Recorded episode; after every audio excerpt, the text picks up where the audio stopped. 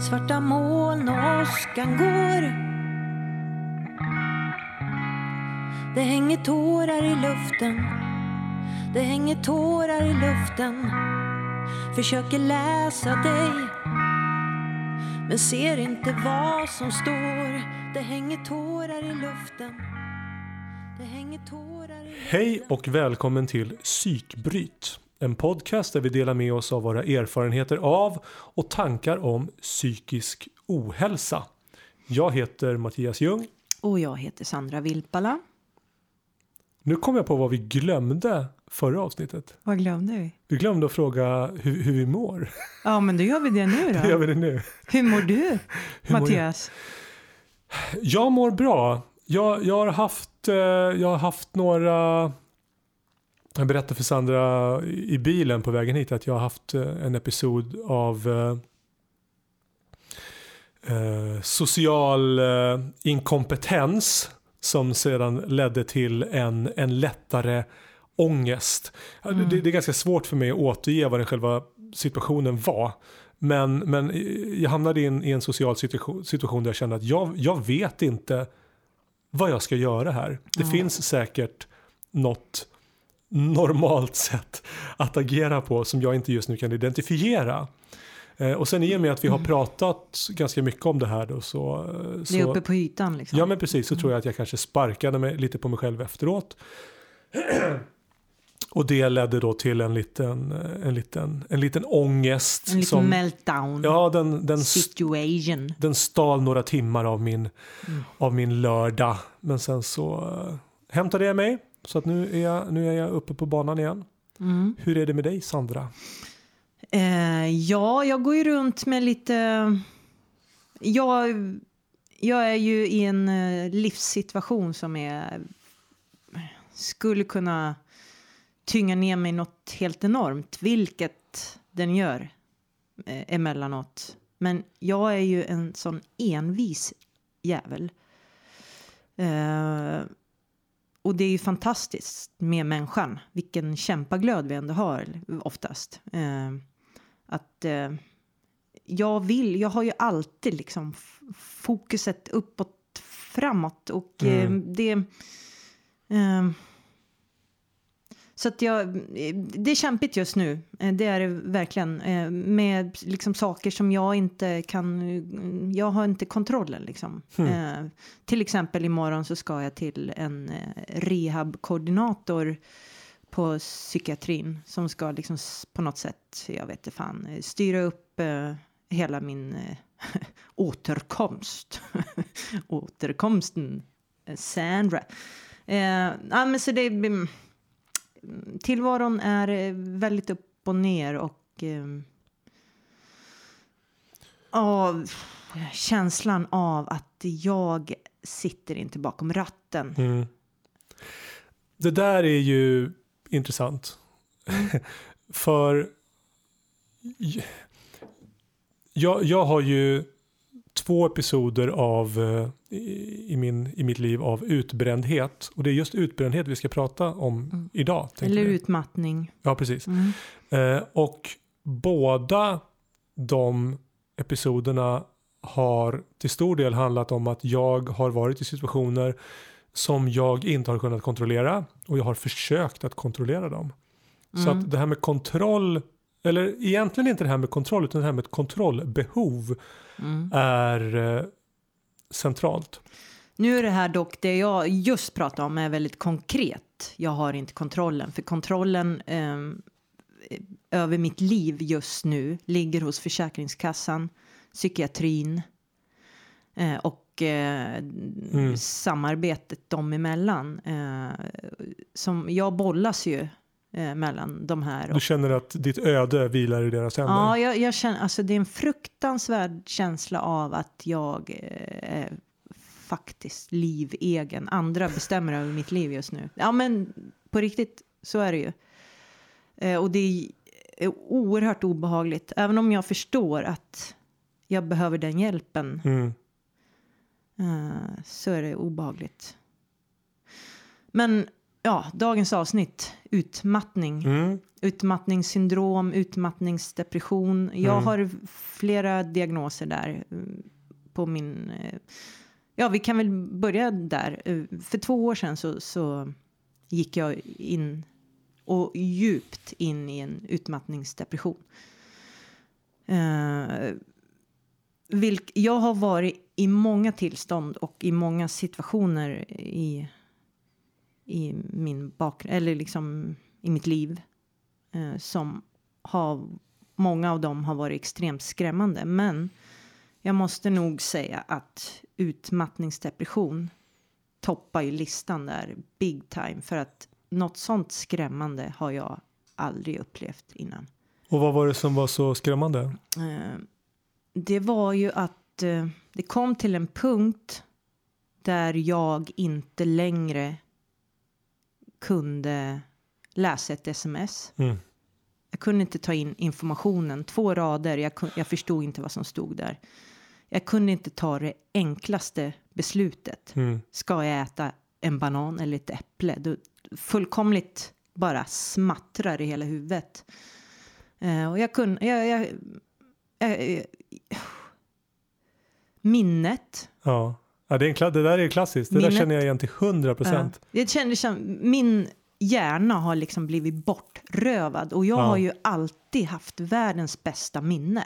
Jag kommer ihåg liksom sifferkombinationer. Alltså jag, alltså jag glömmer inte bort någonting. Till att jag plötsligt har börjat glömma viktiga saker. Mm. Vilket gjorde att folk i min omgivning hamnade i skiten på grund av att jag hade glömt bort. Och jag hamnade såklart i skiten. Ehm, och jag arbetade då som butikschef. Och då förstår du, jag kan inte ta det minsta beslut. Mm. Min position betyder att jag ska delegera och eh, prioritera och så vidare. Och jag kan inte ens prioritera. Alltså, så, så som det blev till slut var att jag kan inte prioritera någonting. Mm. Jag kan inte heller lita på att om jag delegerar någonting till någon så finns ju risken att de glömmer bort det. Och i och med att jag inte kunde prioritera så gjorde jag allting själv. Samtidigt. Så Vilket jag gissar förvärrade ditt tillstånd. förvärra, ja, big time. Åh, och jag, jag får bara, det är, s- jag får sån oerhörd jobbig känsla i kroppen när jag bara pratar om det här. Alltså. Mm. Men, Jag ser det på dig. men det som hände för två år sedan, lite över två år sedan, det var liksom en, en snabb, snabb, eh, det accelererade ju oerhört snabbt alltså. Eh, och sen har ju jag nämnt tidigare och pratat om att jag, vad jag förstått eh, nu är ju att jag, jag har ju varit stressad hela mitt liv liksom. Eh, och det som händer är ju att hjärnan lägger ner när man, alltså min första diagnos, det var ju liksom en akut stressreaktion. Uh, jag, i- det var så att jag, jag stod en morgon, jag hade varit till läkaren uh, veckan innan och läkaren ville rakt av sjukskriva mig 100 procent. Och jag var så här, nej, det går inte. Det är inte möjligt. Jag kan inte. Jag kan inte sjukskriva. Det, det, det, he- hela jobb, allting kommer ju bara falla ihop om Mm. inte jag finns där. Så jag kan gå med på 50 procent. Vilket gjorde att jag gick tillbaka till jobbet i en vecka där. Och eh, då skulle jag hinna med, i mitt huvud skulle jag hinna med allting. Och jag gjorde ju liksom redan extra plus. Mm. Ut, äh, liksom. Men då skulle jag då hinna med allt det här äh, extra plus på 50 På halva procent. tiden, ja. Ja. Vilket slutade med att jag satt ju nere i källaren på jobbet säkert tre gånger om dagen och bara bröt ihop fullständigt.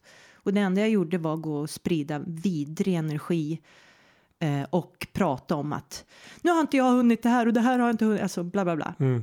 Ehm, eh, jag hade ju sen ganska lång period slutat med saker som är ganska basic, som att duscha. För jag upplevde att jag inte hade tid med det. Mm. Så, eh, men så en vecka efter att jag var hos läkaren och då försökt jobba halvtid så stod jag på toaletten en morgon, skulle iväg med mitt barn. Då gick hon på förskola fortfarande. skulle lämna barnet på förskolan och jag stod på toaletten, hon lekte i rummet bredvid och jag hade en sån fruktansvärd hjärn, eh, hjärtklappning eh, att jag inte kunde stå upprätt liksom. Och eh, ångesten var total och en fruktansvärd eh, liksom, stresskänsla. Och det var så också under en lång period innan det, liksom, den här dagen kom så vaknade jag varje morgon med känslan av att jag är så nervös. Ni vet den här känslan av att man är hypernervös. Det, det, är som, det är som om kroppen har vaknat innan hjärnan mm. och bestämt sig för att nu så ska vi, nu sätter vi igång alla är skarpt läge. Nu, det är precis. Jag, mm. jag, jag känner igen det. Ja. Det är fruktansvärt. Så, att, så vaknade jag. Och sen under dagen så gick ju, det låg ju på hela dagen. Upp och ner liksom. Och, och vissa situationer triggade ju så att det liksom blev fullskaligt eh, liksom, attack, eh, stressattack. Liksom. Men jag, jag, stod där på toaletten och kände att hur, hur ska jag kunna ta mitt barn till förskolan? Mm. Det var en komplett omöjlighet för Någonting mig. som du har gjort hundratals gånger oh, tidigare. Ja, svar ja. Det var inte möjligt. Så jag började ringa och, runt och fick till slut. Alltså, och då ska vi också säga det att jag ber aldrig om hjälp. Jag gör aldrig det, mm. tyvärr. Eh, men nu var situationen akut. Eh, så sen dagen, liksom rakt av där och då Eh, efter att mitt barn blev hämtat så pratade jag med min arbetsgivare och så bestämde jag att du är 100% sjukskriven och så får det vara eh, hur det än blir. Eh, det får ordna sig liksom. Sen sov jag i stort sett i två månader. Det var vad jag gjorde.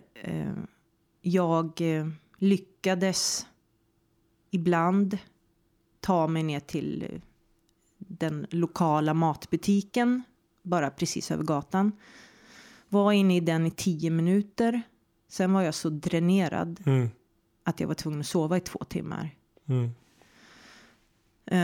Så att det var ju fullskaligt. Liksom, jag var helt dränerad. Jag hade ju chocklågt järn i kroppen.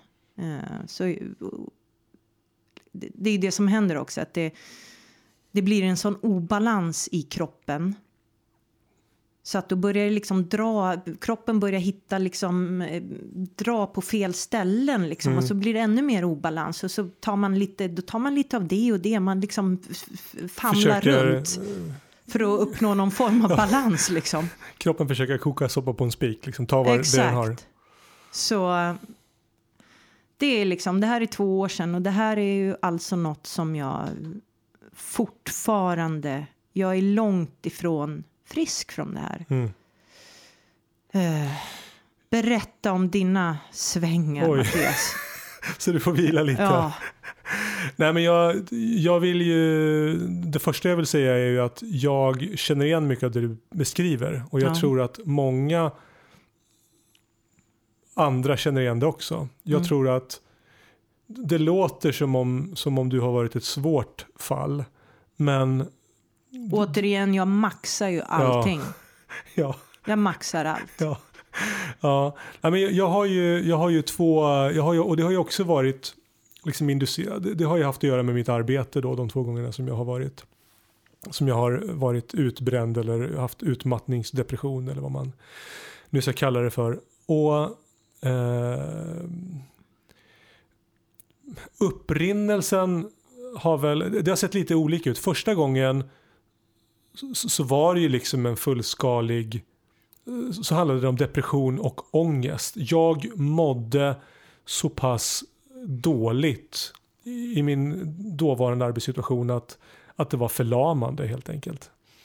Eh, känslorna tog liksom överhanden. Eh, och, och det handlade ju där om att jag var satt i en position där jag skulle försöka styra och kontrollera saker som inte gick att kontrollera. Mm. På tal om kontroll då. Eh, andra gången så, så var det en liknande situation men den här ångesten och den här depressionen fanns väl inte riktigt där utan istället slutade jag sova.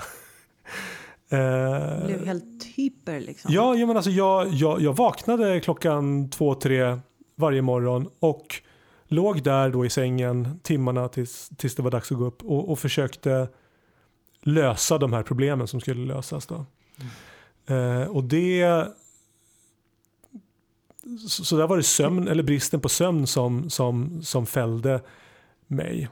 Och, och jag, eh, under den första episoden så hade jag ju liknande eh, symptom som du. Då. Att, att skriva en inköpslista går inte. Att, att, att gå in i ett rum för att hämta två saker går inte. Du, I bästa fall så kommer du tillbaka med en av grejerna. Ja, no, eh, så, så, så det där känner jag igen, känner jag igen helt. Och andra gången, den här bristen på, på sömn, den gjorde ju det att jag blev ju jag blev eh, kortstubin, aggressiv, liksom skrek åt min familj, mm. gjorde sådana saker som jag liksom inte som jag idag inte kan förstå. En, en, en normal Mattias kan liksom inte förstå att jag, mm. att jag gjorde dem då. Men det, det är ju samma här, jag blev ju extremt aggressiv också. Um, så. Uh, och jag tänker att uh, ofta när man mår dåligt så, ja. så, så, så, blir man aggressiv också för man kan inte, oh, man kan inte hantera någonting. Liksom. Nej, det, det, man känner en enorm frustration och, och, man tycker ju illa om allting. Och alla och sig själv. Och, eh, ja, så att aggressiviteten ligger ju inte, ligger ju inte långt borta. Och det var, och det var ju det som, som fick mig att ta den andra sjukskrivningen egentligen. Ja. När jag kände att jag kan inte utsätta min familj för det här. Jag mm. kan inte, jag vill inte vara den här personen. Alltså min, min första sjukskrivning, då handlade det liksom mer om att, att jag som person kände att, att jag höll på att och braka ihop. Mm. Men den här gången var det, var det så att jag, jag hade nog kunnat fortsätta att inte sova och, och, och, jobba på. Men, men jag... Ja, om du hade varit ensam kanske. Ja, ja, ja. Då hade du kunnat ja. kört det mycket längre. Ja, men, men jag kände att nej, men jag, det, här är inte, det här är inte deras sak att bära. De ska inte behöva det är inte rättvist. Nej, det är inte rättvist. Nej. Så, att, så att det, var ju, det var ju det då som, eh, som ledde fram till min andra, andra sjukskrivning. Då. Eh, mm. och, och, båda mina sjukskrivningar var, var väl ändå relativt relativt korta. Jag var heltidssjukskriven ett par månader och sen så fasades jag liksom sakta tillbaka in i, eh, i verksamheten då igen. Mm. Um, Bå, båda de här sjukskrivningarna skedde ju på samma, på samma arbetsplats. Mm. Eh, och jag hade tur för att det var en, arbets, det var en väldigt, väldigt bra arbetsplats med förstående och underbara chefer, förstående och underbara kollegor och, och, och medarbetare. Eh, jag hade helt enkelt otur att hamna i ett par projekt som, som bara inte fungerade. helt enkelt. Mm. men, men, men jag försökte ju, jag, jag försökte ju i, i flera år att, att hitta tillbaks i, i arbetet. Att, att hitta den, den glädje och det lugnet som, som hade funnits en gång i tiden. Då. Men mm. det gick inte. Så att jag var, jag, till slut så, för två och ett halvt år sedan så lämnade ju jag den platsen. Det är ju extremt vanligt. Det, ja. det är ju liksom... Eh, det sitter i väggarna brukar man ju säga. Ja men precis. Och det är ju... Jag tänker om... om det är klart att eh, vi minns, alltså kroppen minns och eh, miljön där du blev sjuk mm. representerar ju, fortsätter ju att representera det på något mm. vis. Det är svårt att komma runt det. Och, jo. Där finns triggersen. Liksom, ja men precis. Mycket. Och, eh, dels det och sen, så, och, och sen så var det väl så att eh, den det var inte riktigt rätt position för mig att ha heller det, det jag höll på med. Mm. Eh, det, det, kanske hade varit det om jag inte hade råkat ut för de här smällarna men, men sen, sen visste man ju vad som skulle kunna hända. Man levde ju med, med, med vetskapen om att det kan gå så här fel. Det kan ja. gå så, så, att, så att jag tror att det finns, jag tror att det fanns en, eh, en ständig stress och en ständig rädsla för att någonting skulle gå åt fanders igen då. Mm. Eh, och du har ju pratat om det här med eh, att du har levt under ständig stress i hela ditt liv egentligen. Mm. Och jag tror ju att det som, det som drev upp min ångest och, och mina depressioner fram tills för ja, tre år sedan när jag började äta medicin. Det var just den här ackumulerade stressen från, Mm. inte bara arbetet men, men, men till stor del det då. Att det, det fylldes på och fylldes på och fylldes på. Mm. Och sen så Och det, det lämnar, det lämnar ju liksom spår i kroppen. Allting lagras ju i celler. Vi, Mm. vi, vi minns, kroppen minns liksom det som vi inte har bearbetat och tagit hand om. Eh, och eh, sen ska vi ju säga att utmattning, det jag upplevde var ju väldigt tydligt att min hjärna slutar fungera. Mm. Eh, och det är ju också fakta. Det är ju så. Det, är ju, det som sker är en, man får en hjärnskada eh, som, går, som är mätbar. Alltså, eh, som det har forskats på att eh, man har mätt på. Alltså det, en hjärnskada är ju nedsatt. Eh, en mätbar nedsatthet liksom, eh, i funktioner Mm. i hjärnan. Och det som ryker först vid stress och utmattning det är ju de exekutiva liksom förmågorna. Alltså finliret. Mm. Så som att eh, planera, eh, ja men prioritera, alltså vad, hålla i trådar, liksom, få ihop den där inköpslistan och så Mm. vidare till liksom. Eh, de ryker ju och det sitter ju här i frontalloben främst, eh, eller där sitter, och så högra hjärnhalvan också, det, där har vi ju. Så att, eh, och som med hjärnskador så, så kan ju de, eh, de kan ju läka, eh, men kan ju också inte läka. Mm. Så det är det jag tycker är så fruktansvärt vidrigt med utmattning. Eh, och som med allt så det är inte förrän man är där själv som man förstår. Och jag tycker att, eh, vi pratar ju om, om utmattning just, jag, jag tycker att det har fått en stämpel på sig som något jävla lyxproblem. Eh, som, ja du har så mycket att göra, ja du blev lite utmattad, alltså lite den vibben Ja, ja. på det hela. Och så kanske jag någonstans också har eh, liksom tänkt förr i tiden. Liksom. Men nu, eh, som jag sa, det här är ju den mest skrämmande eh, grejen jag upplevt i hela mitt liv. Och, Jo men att känna att sånt som man vet att man, alltså man, man vet att man klarar av vissa saker och sen så helt plötsligt klarar man inte av dem. nej, det är bara stopp. Eh, och eh, något som jag har väldigt svårt att hantera och som jag fortfarande eh, dras med, det är ju hjärntrötthet. Och det är ju för den som inte vet något helt annat än att vara trött. Berätta, vad är hjärntrötthet? Det är ju liksom att eh, om man ska jämföra med en vanlig trötthet. Du känner dig trött, du är seg, du orkar inte riktigt eh, liksom. Du kan sova och så känner du dig pigg. Hjärntrötthet går liksom inte, mm, funkar inte på det viset. Och det som händer är att Eh, som till exempel, nu har vi spelat in det här och jag ska ta mig hem sen. Då, då vet ju jag att eh, då, kom, då kommer hjärntröttheten. Eh, för nu börjar jag se hur det fungerar. Liksom. Nu har jag koncentrerat mig länge. Mm. Eh, eller några timmar liksom. Och det är ju rätt bra framsteg i och för sig eh, nu. Men eh, sen, det är bara att ta stopp. Det är, det är som att hjärnan bara blir tuggummi och jag kan inte, det, är liksom, det går inte att komma runt det. Mm. Eh, jag... Eh, alltså det är en tröttma beyond liksom. Det är en sån, det är en sån radikal sänkning av, av funktion. Ja. men det är en shutdown. Av prestanda. Liksom. Ja, jag kan inte liksom, det är bara, det, det är kört. Och, eh, och jag, min rädsla nu ligger ju i att, eh, för det är ju så att eh, många människor återhämtar sig även om det tar lång, lång tid om man har varit liksom nere i det djupt. Och vissa människor återhämtar sig ju inte helt. Och jag är ju rädd för att jag är den personen för att jag drog det så sjukt långt. Mm. Eh, så jag är, ju, jag är ju skraj för min hjärnfunktion liksom. Eh, för mig att koncentrera mig, det är svårt att läsa text alltså, Mm. och lyssna och, och så vidare.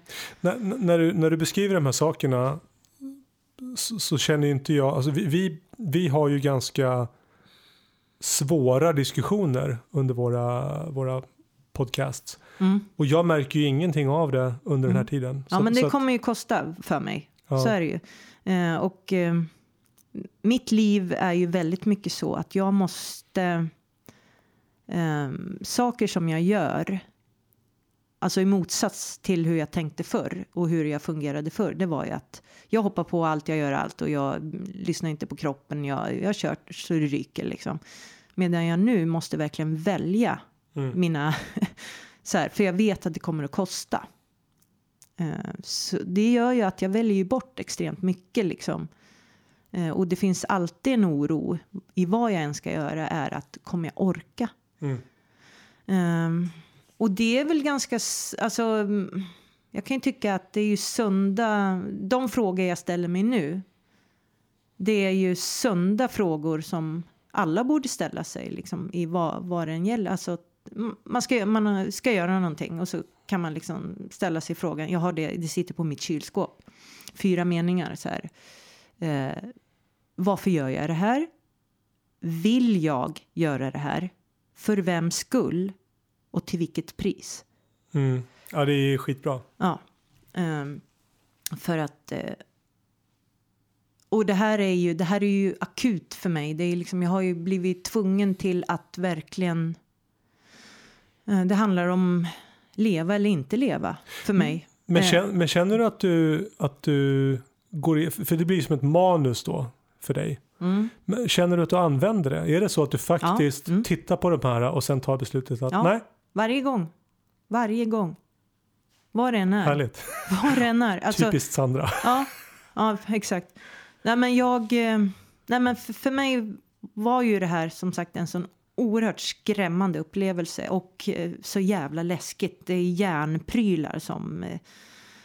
Eh, jag menar, jag, jag tappade minnet, jag tappade håret och all livslust liksom. Och jag, jag förstod eh, att jag, alltså hur destruktivt jag har levt. Och då pratar jag inte om, eh, det är inte främst då mm, alkohol och sådana prylar som man kanske snabbt tänker på som destruktivt, utan det är vad jag har haft för inställning till mig själv som har varit det allra mest destruktiva. Den, det här eh, självförminskandet och eh, självhatet väldigt mycket. Och eh, den här eh, känslan av att jag inte är värd saker. Jag är inte värd liksom. Det är så mycket jag har ansett att jag inte är värd för jag är värdelös. Mm. Och jag hade, ja det här måste jag berätta om. Det här är ju helt sinnesrubbat.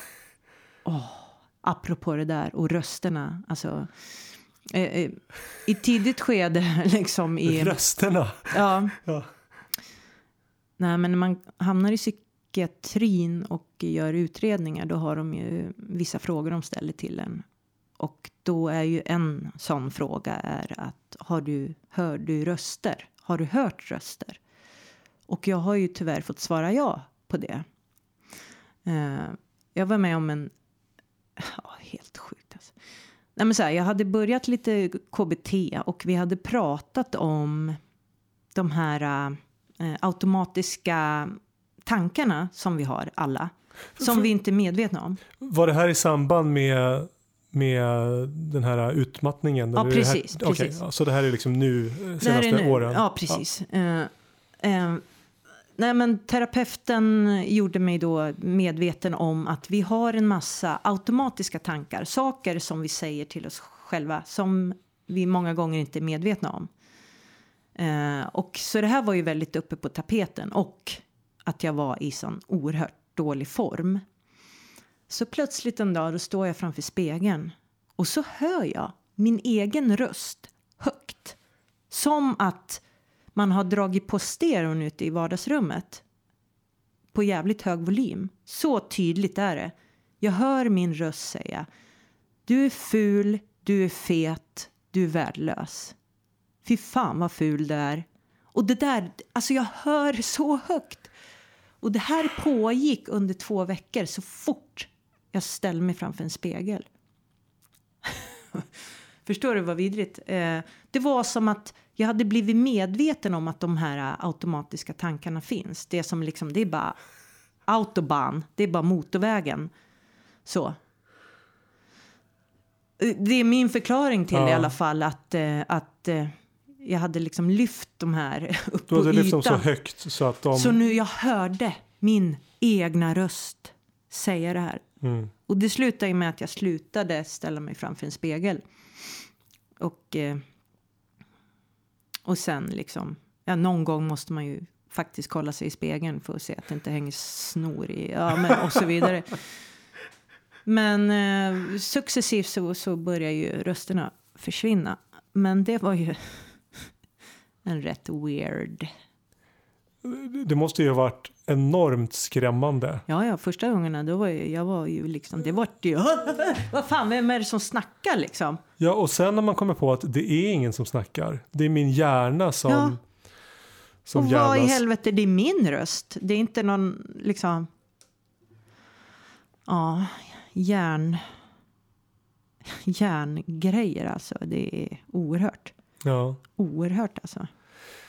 Alltså jag, jag, jag tänker på det här med eller till att börja med så är jag helt chockad över det du beskriver. Mm. Uh, och, och jag, jag försöker, jag skulle bli helt livrädd. Mm. Och jag förstår att det, att det är väldigt skrämmande. Men jag tänkte på det du sa det här om återhämtning. Ja. För det är någonting som jag har som Ja, jag har hur har det på. gått för dig? Ja. Ville jag fråga. ja, men, för det här är ju några år sedan. Och, ja, det är det. Och jag, jag hörde ju det var andra personer på, på mitt arbete som hade varit i samma situation som jag som sa till mig så ah, men du är fördärvad, du har en eh, permanent ökad känslighet, du kommer aldrig bli bra igen. Sa, sa de, alltså kollegorna till mig då. Wow, eh, ja, peppigt. Ja, precis. Tack för den. Vilken bro i närheten är högst som jag kan kasta mig av den.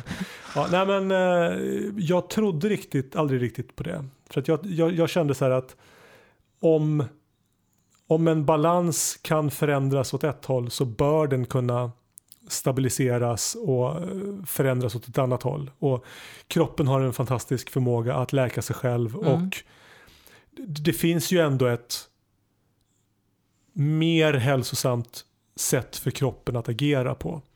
Eh, så att jag, jag tänkte väl att... Kroppen är ju helt fantastisk. Ja. Mm. Eh, så jag tänkte att den här korken kommer väl liksom flytta tillbaka till rätt plats så småningom då. Mm. Och, och, det känner jag väl att den sakta men säkert har gjort. Uh, nu är det ju då, gud, är det fem år sedan, fyra, fyra fem år sedan min senaste sjukskrivning och ett par år innan dess mm. för den första då. Eh, men jag känner ju att jag i flera år drogs med de här svårigheterna som du beskriver. Mm. Alltså jag, eh, mitt, mitt arbete är, är någonting så romantiskt som att vara läromedelsredaktör. Vilket eh, betyder att jag eh, utvecklar, jag är med och utvecklar läromedel då, bland, annat, bland annat i matematik. Och då var ju jag van vid att kunna lösa de allra flesta problemen i huvudet. Mm. Jag, jag, hålla siffror i skallen, det är inget problem. Och att känna då att, att det inte går. Eh, Katastrof. Ja men visst, trots att jag då var frisk och tillbaka på mitt arbete och det hade liksom gått ett tag. Då. Men, men där känner jag ju att, att min eh, att skärpan har kommit tillbaka mm. gradvis. Eh, så det känner jag ju. Eh, och minnet och uthålligheten och alla de här mm. sakerna. Det har ju tagit lång tid. Mm. Men, men jag upplever ju att alltså det, det, är svårt då, det, det är svårt att säga, är jag hur, liksom på hur många procent av min forna kapacitet fungerar jag idag? Det går inte att säga. Men det går åt rätt håll och idag så är det ingenting som jag egentligen tänker på. Det är inte så att jag egentligen upplever nu att jag är dummare i huvudet än vad jag borde eller mm. orkar mindre eller vad det är. Men, men, men hur är det med um, stresskänsligheten? Den är bättre än vad den har varit. Mm. Tycker jag. Eh, jag... Eh, alltså nu, nu äter jag ju ångestdämpande medicin just Mm. nu. Även om jag äter en fjärdedel av, av vad jag egentligen borde. Jag har liksom lyckats trappa ner på min dos. Mm. Eh, och eh, att jag har trappat ner gör att jag fortfarande jag, jag, har, jag, är liksom, jag, jag har förmågan att känna stress och ångest när det är rimligt att göra det. Mm. Eh, och, och jag tycker väl nu att jag oftare, alltså jag, mer, jag, jag reagerar mer adekvat på stress. Jag blir stressad när det är någonting att bli stressad över. Men det är inget som hänger kvar och... Nej, det, det tycker jag inte. Sen, sen, är plats. nej men visst, sen är det ju så att, sen är det ju så att, att man ibland blir fortfarande känner sig liksom mer stressad i vissa Mm. situationer än, än man kanske borde. Men det, det, är, inte, det är inte lika eh, det är inte lika off som det en gång har varit. Alltså, jag, har ju varit jag har varit så illa där, därhän så att eh, jag eh, gillar att fika. Jag gillar att ta min tekopp och mina smörgåsar och sitta i min fåtölj och, och, och mysa. mhm. Och då, då gör man så att man, man sätter på eh, sin vattenkokare och sen så börjar man med, med mackorna, man skär upp dem, man tar fram pålägg och sen så ska man hälla på tevattnet på tebladen och så sätter man en klocka så att teet ska dra i fem minuter.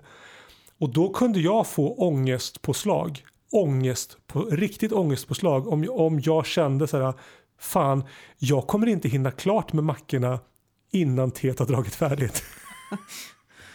Ja, eller ja, stresspåslag Ja, precis, ja men precis. precis. Så att, så att, så Ah, att ja. Mm. i, i, i så dålig form var jag. Alltså det är ju inte en, det är inte, det är inte en livshotande situation direkt. Det är inte så att en björn håller på att attackera mig. Utan det handlar Mm. om att, att jag ska behöva avbryta mitt osthyvlande eller vad, vad jag nu gör för att lyfta Mm. av tebladen. Ja, men där ser man ju hur orimligt de här stress... eh, Alltså, systemet har ju, är ju så överladdat så att det... Ja. Men du tog ju, liksom imponerande ändå, du tog dig tiden att låta liksom ändå... du hade för avsikt att låta te dra i fem minuter. Jag menar, det tycker jag ändå är positivt. Det ska dra i fem minuter. Ja, men Annars, jag menar i ett det stresstillstånd finns så... vissa saker man inte ruckar på. Ja, ja. Nej, jag, jag har ju ruckat på rätt mycket efter vägen. Liksom. Det är rätt mycket jag har tagit bort för att jag upplever att jag inte har tid. Liksom. Eh, Och det är ju bara så rubbat. Jag, jag är ju så här, jag, när det gäller liksom stress, alltså känsligheten och återhämtningen där så mm, då, som sagt det är ju över två år sedan nu som det var liksom som allra mest brinnande. Men och det där är ju, stress är ju precis som ångesten eh, och depression. Det är ju oerhört lurigt. Det är så svårt att se det där i alla mina situationer. Jag är, liksom, jag är ju sjukskriven för andra gången. Jag försökte ju återgå till arbete. Eh, det gick sådär. Eh, men att i alla de här, jag har ju aldrig sett det själv liksom. Jag, jag har inte förstått det för man är så uppspidad eh, jag menar, varje dag när jag gick till jobbet, eh, det är en promenad på 25 minuter, då gick ju jag med mantrat.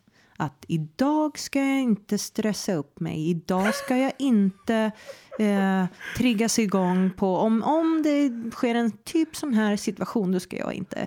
Och så här, och det är ju det första typ man lär sig i mm, KBT, det är ju att ta bort ord som är inte, måste, Mm. för det är som att... Eh, det, det, liksom. Ja men då är du ju där på något Då sätt. Du gör ju redan, redan ja. skadan Men om, om jag istället säger så här. Idag vill jag inte hamna där. Eller snarare så här. Idag vill jag... Eh, eh, alltså hitta tvärtomet. Liksom. Idag vill jag vara lugn. Mm. Idag vill jag vara trygg. Idag vill jag inte Ja. överreagera. Precis. Idag vill jag ta två pauser.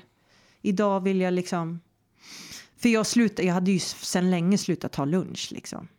För det hade jag inte tid med. Och någon paus tog jag ju överhuvudtaget inte. Jag gick väl inte ens på toa liksom, och pinka under en hel dag. Alltså så. Så att... Eh, eh, det är just man, må, eh, man måste. Eh, det man lär sig är ju att det finns vissa ord som bara måste bort. som måste. Eh, hitta alternativ till det istället. Alltså vända på det och, och mm, prata om vad, vad vill jag? jag, jag så. Men jag är ju skraj för att eh, trots att det är så lång tid nu sen liksom, det brinnande akuta liksom, mm, tillståndet så har jag oerhörda problem med, med just stress. Eh, och det kan ju komma, jag kan ju tycka så här att nu har jag koll på läget. Det har gått några dagar och jag liksom så här, mm, yeah. Men så hamnar jag i en situation där det bara blir fullt ställ igen på stress. Eh, liksom, ja. Och då känner jag att jag inte kommer någonstans. Liksom. Mm. Men, men det har du ju.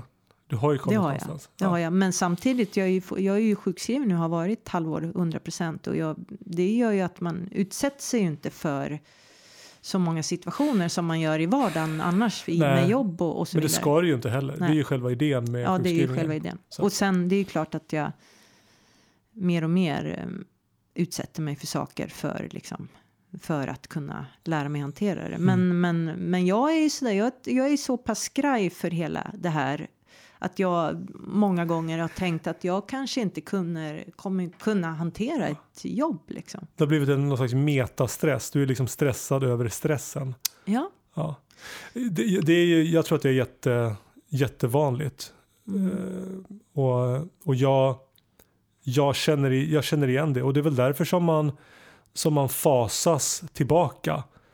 För att du kan inte du har inte orken men du kan heller inte liksom uppbåda modet för att vara på, på din arbetsplats eh, 100 procent. Mm. Eh, utan då, man får ta det en liten, en, liten, en liten bit i taget. Ja, ja, absolut. Det är ju helt. Men framförallt så tänker jag att man måste jobba. Man måste få verktygen för att hantera stress. Eh, och jag gick ju även en utredning eh, för, på stressmottagningen. Så att efter, jag gick parallellt två utredningar, både för, för psykiatrin och eh, eh, stressmottagningen och eh, bedömdes, eh, jag kvalade in på båda om man säger så. Eh, dock så var liksom, jag ville ju gå den här stressmottagningen, alltså gå den först. Men de var så här, du är så pass inte Eh, jag, jag var i så dålig form så att, eh, och, och, och de såg ju, jag satt ju många långa samtal med mm, psykiatriker, psykiatriker och läkare och andra eh, eh, ja, så här, fysioterapeuter och så vidare. Men eh, ja, jag menar, jag går ju liksom allting grundar sig ju i liksom, min traumatiska uppväxt. Så att, och, och mycket liksom, klokt och logiskt så sa de ju att du måste ju börja där. Mm. Så att det är det jag gör nu. Men eh, sen så kommer jag absolut hoppa på den här stressbehandlingen. Eh, det är liksom, ett, ett, liksom. Ett, en sak i taget och liksom ja, börja från början. Men eftersom jag är funtad som jag är, jag var ju så här, men bring it on, vi kör båda samtidigt. Och de så här, det, det, I am the Sandra. Yes, och de var så här, eh, nu har vi liksom förstått eh, vad du är för en typ. Ja. Så vi säger stopp.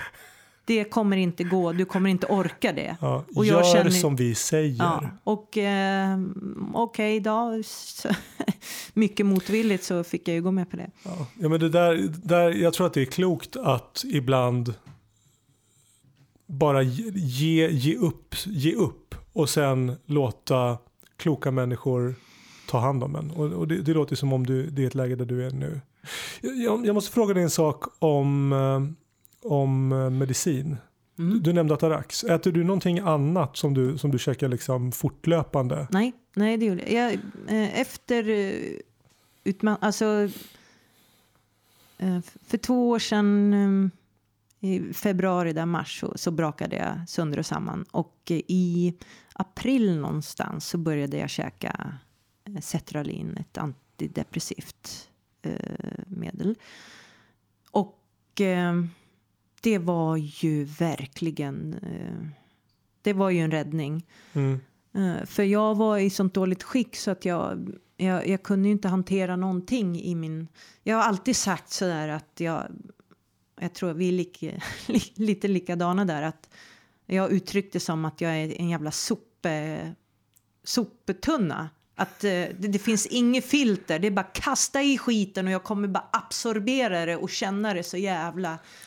Och man utvecklar ju eh, extrema tentakler också och känner av energier i ett rum. Och eh, ofta så här, är det någon person som är sur så känner jag det mm. direkt och det automatiska där är ju att det är troligtvis så att jag har gjort någonting som gör att den där människan är skitsur. Ja. Det är ju alltid slutsatsen liksom.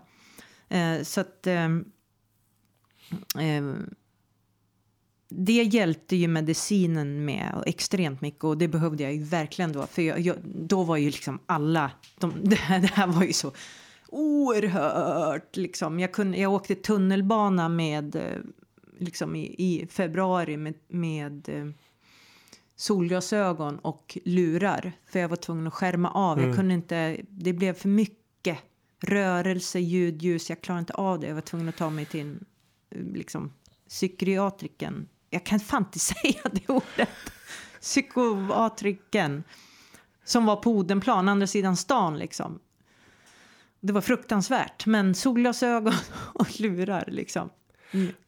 Men, men jag tänker, kan det, kan det vara en idé att att käka någonting under en övergångsfas bara för att slippa oron över oron på något sätt? Ja, jag faktiskt, eh, jag har ju jag la ju av, jag käkade ett år och sen fick jag panik över medicinen för att jag kände så här, för man blir ju avtrubbad, så är det ju och eh, det kan ju vara jätteskönt när man alltid har varit en sån oerhört kännande, känslig människa liksom. Mm. Och det var ju jag tror att det var en förutsättning för att jag skulle kunna någonstans komma ner i något avslappnat tillstånd på något vis.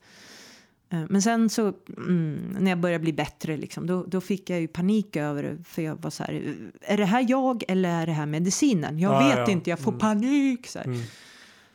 Så sen dess har jag varit så här, nej, jag, eh, jag fixar det här med yoga och terapi och eh, mat och eh, meditation och liksom ta hand om mig själv på alla sätt och vis.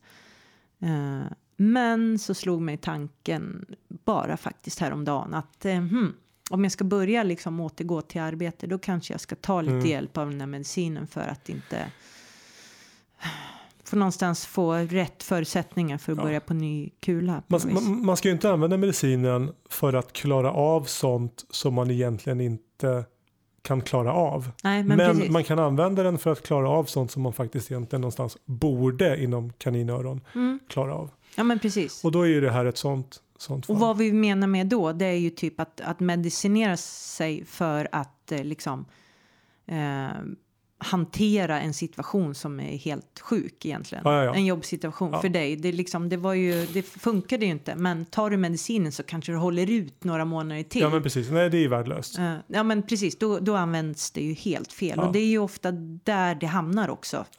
Tycker jag. Utan ska man använda medicinen på ett uh, liksom logiskt sätt enligt oss då, då, då är det ju för att, mm, för att få hjälp av den för att gå åt rätt håll. Liksom. Ja, ge, ge en själv chansen att, att läka ihop. Ge, mm. ge en själv den lugn och ro ja. man behöver för att, för att läka ihop. Jag använder ju medicinen idag och, och det är ju för att min tanke, och nu är det bro science igen då, det är ju det att min, min inre kemi fortfarande är så uppfuckad eh, efter all stress och ångest och depressioner att, mm. att, att den behöver lite stödhjul ett tag till innan den har hunnit mm. rätta upp sig. Då. Mm. Så, att, eh, så det är så jag tänker. Sen är det ju för somliga, jag känner ju folk som eh, de känner ju helt klart att de kommer äta medicin resten av sitt liv. Liksom. Så att det, det där är ju också högst... Det är individuellt. In, ja. ja. Uh, men ja, det gäller ju att... Ja det gäller ju att uh, hitta sin egna väg. Liksom. Sin egen väg. Det finns inget uh, universalt svar på den. Nej, och det är det som gör det så, så himla svårt också. Ja. Det vore ju mycket enklare om det fanns en skiftnyckel som gick att använda på, på allt, men så enkelt är det inte. Till alla muttrar. Jag kommer att tänka på en sak eh, som du sa alldeles nyss, det här med att, eh, att, att, att om någon är sur eller någonting sånt så antar du att det är ditt fel. Mm. Eh, och det där känner jag igen. Och det är ganska intressant för att å ena sidan så har man då en dålig självkänsla. Mm. Så man intalar sig själv att jag är värdelös, jag, är, jag kan ingenting, jag, jag är ful, ful, vad det nu är då. Mm. Samtidigt i den situationen där du antar att det är ditt fel så ger du dig själv en enorm betydelse. Ja, ja, ja motsträvigt. Ja, men precis. Så, så, så det är ju helt, eh, det går ju emot sig själv. Jag menar, bestäm, bestäm sig. Antingen, antingen så är du den här värdelösa personen och då har ju du inte förmågan att... att, att Påverka folk på Nej det men precis. Nej. För det spelar ingen roll. Du spelar ju liksom ingen roll då helt enkelt. Då. Eller så har du ett värde och då är det det här värdet som någonstans ger dig makten att påverka den här andra människan. Jag säger som hon i Idol. Det är orimligt! det är orimligt! Ja men visst, absolut. Och jag måste bara dra, alltså på vägen hit på tunnelbanan. Mitt emot mig sitter en snubbe med hörlurar, sitter med sin telefon eh, och grejer. Och vid ett tillfälle så skakar han på huvudet och suckar. Och direkt, automatiskt så är jag så här. Alltså, det är inte att jag tänker tanken att det är mitt fel, men min kropp reagerar ja, så. ja, jag vet, jag vet, jag vet. Och så bara, ja men vad fan ska jag bry mig om att han sitter och Mm. suckar och, men det är dish liksom. Frustrerande. Men jag har blivit bättre och bättre på det där för jag har förstått. Jag har, dels har jag blivit liksom ja, medveten om att jag gör så här. Eh, och när det väl händer så kan jag så här mm, adressera det och så här, ja men vänta, hallå, det där är en automatisk reaktion, eh, har ingenting med mig att göra, så bara lägg ner. Ja, och, och, och det är ju ett faktum att hur alltså, olika personer uppfattar olika situationer olika. Mhm. Både du och jag ser ju oss själva som socialt inkompetenta i alla fall bitvis då. då. Medan ingen av oss ser den andra som socialt inkompetent och då känner vi ändå varandra ganska bra då. Nej, och, ja, precis. och helt tydligt vad vi båda får kommentarer på är ju att vi är väldigt socialt Ja, ja, eh, kapabla. Ja, Eh, vilket jag, det är ju inget jag kan ta till mig. Liksom. För det, det är inte min upplevelse. nej. Och de, de hör ju inte vad som försiggår i min hjärna. Nej, men det, och det är ju det som är problemet. Man, Mm. Jag ser ju allting ur, med mina glasögon och, och den bilden blir ju aldrig likadan. Och vi blir ju proffs på att mörka. Ja, Vi, vi blir ju alltså såna elitister på liksom lägga ut rökridåer. Jag har full koll på det här. Jag är bara helt härlig. Och jag menar, det är man ju också ibland. Det är inte så att det är alltid, men det är så mycket som ska stämma för ja, att man ska ja, kunna vara den där härliga som... Och det, så, och det är så lite som krävs för att man ska trilla dit i gamla, i gamla mönster igen. Mm. Ja, komplicerat. Komplicerat. Det är vad vi kan... Det är vad vi har lärt oss idag. Det är komplicerat, Mattias. Life is hard. Ah, it's a motherfucker. Men eh, ja, vad det, vi kommer säkert komma tillbaks till utmattning och utbrändhet igen. Ja, det här är ju så stort så att det, det går ju liksom inte att... Och du är ju Mm. mitt i det här också och det är Ja, är väldigt det. intressant att, att, att få följa dig i det här. Exakt. Vad händer? Vad händer? Precis. Jag tror det kommer gå bra. Alltså det, du, är, du, är, du är i goda händer. Du verkar ha kloka personer som hjälper dig. Du verkar förstå var du befinner dig, vad du har varit med om, vad som behöver göras. Sen Mm. är det ju fortfarande frustrerande att sitta mitt i den här skiten. Mm. Eh, och det är frustrerande att inte veta hur det kommer se ut imorgon eller om en månad eller om Mm. två år. Mm. Men det är ju bara, det är bara naturligt. Alltså det, det, är inte, det vore ju jättekonstigt om du inte hade de farhågorna. Så, att, så att jag, jag, tror att du, jag tror att du befinner dig där man kan förvänta sig att du ska, att du ska vara. Återigen bro science. Ja, men eh, eh, jag ska bli bättre på att credda mig själv så håll i hatten, här kommer ett cred till mig själv. Mm. Att eh, jag är ju, mitt i allt det här så är jag ju rätt, eller mycket, eh, alltså skärpt känner jag. Ja, ja, det känner jag också. Jag tycker du är glasklar när du pratar. Ja, ja och, och, eh, och, och, och ehm, tack och lov så har ju livslusten och drivet kommit tillbaks. Liksom. Det är ju lite så att jag får hålla, eller dra i, dra i tyglarna liksom, till och med. Ja, nu. ja, ja. Och det, det, det, det tackar jag ju för och det är härligt. Ja, men att, men att, eh, och båda de två sakerna är ju positiva. Det är positivt, men det, det är också... Det är både positivt att, att du känner att livslukt, lu- livslukten, Det livs- luktar liv! att livslusten är där. Det är väldigt positivt. Det är också positivt att du har den medvetenheten om din situation, att du faktiskt chillar lite. Ja, eh, och eh, jag har ju kommit fram till en, en, en stark slutsats också som jag aldrig någonsin har haft med mig under mitt liv. Och det är ju att eh, på riktigt så måste jag ta hand om mig. Det Mm. är livsviktigt. Och jag måste lyssna på vad kroppen talar om för mig. För Mm. den talar ju om allting liksom. Det, det handlar om att jag ska lyssna inåt och inte vara i, i mitt snurr i hjärnan liksom. Nej, och det, det, det, det, det känner jag att jag har lärt mig också. Och jag tar bättre hand om mig än vad jag gjort förut. Och grejen är det att man gör ju ingen man gör ju ingen en tjänst genom att liksom köra in i väggen. Alltså du, du, du, du Nej, det är ju tvärtom. Man Ja. gör ju alla en otjänst, inklusive precis. sig själv. Ja. Det, det är ju inte bara jag som eh, påverkas av hur jag mår, men utan det är ju alla i min närhet. Så att om, om man inte kan liksom dra, tänka tanken att jag gör man det ja, för min precis. skull så kan man ju tänka så som du gjorde med din andra utmattning där, att Ja. jag måste tänka på min omgivning. Om det är lättare att ta till sig det så är Mm. det en orsak, vilken Precis. orsak som helst här, så kanske du kan komma fram till till slut att ja men det börjar hos mig. man fintar sig till lite Eller egoism. hur? Di, di, di, di. Nej men, ja, egoism det är så negativt laddat men, men det är så här, på, på min dator, när jag startar min dator nu så här, så står det så här, när, det var en fin sägning som jag jag behöver liksom, precis som jag har de här meningarna på kylskåpet så har jag på min dator lite klokskap.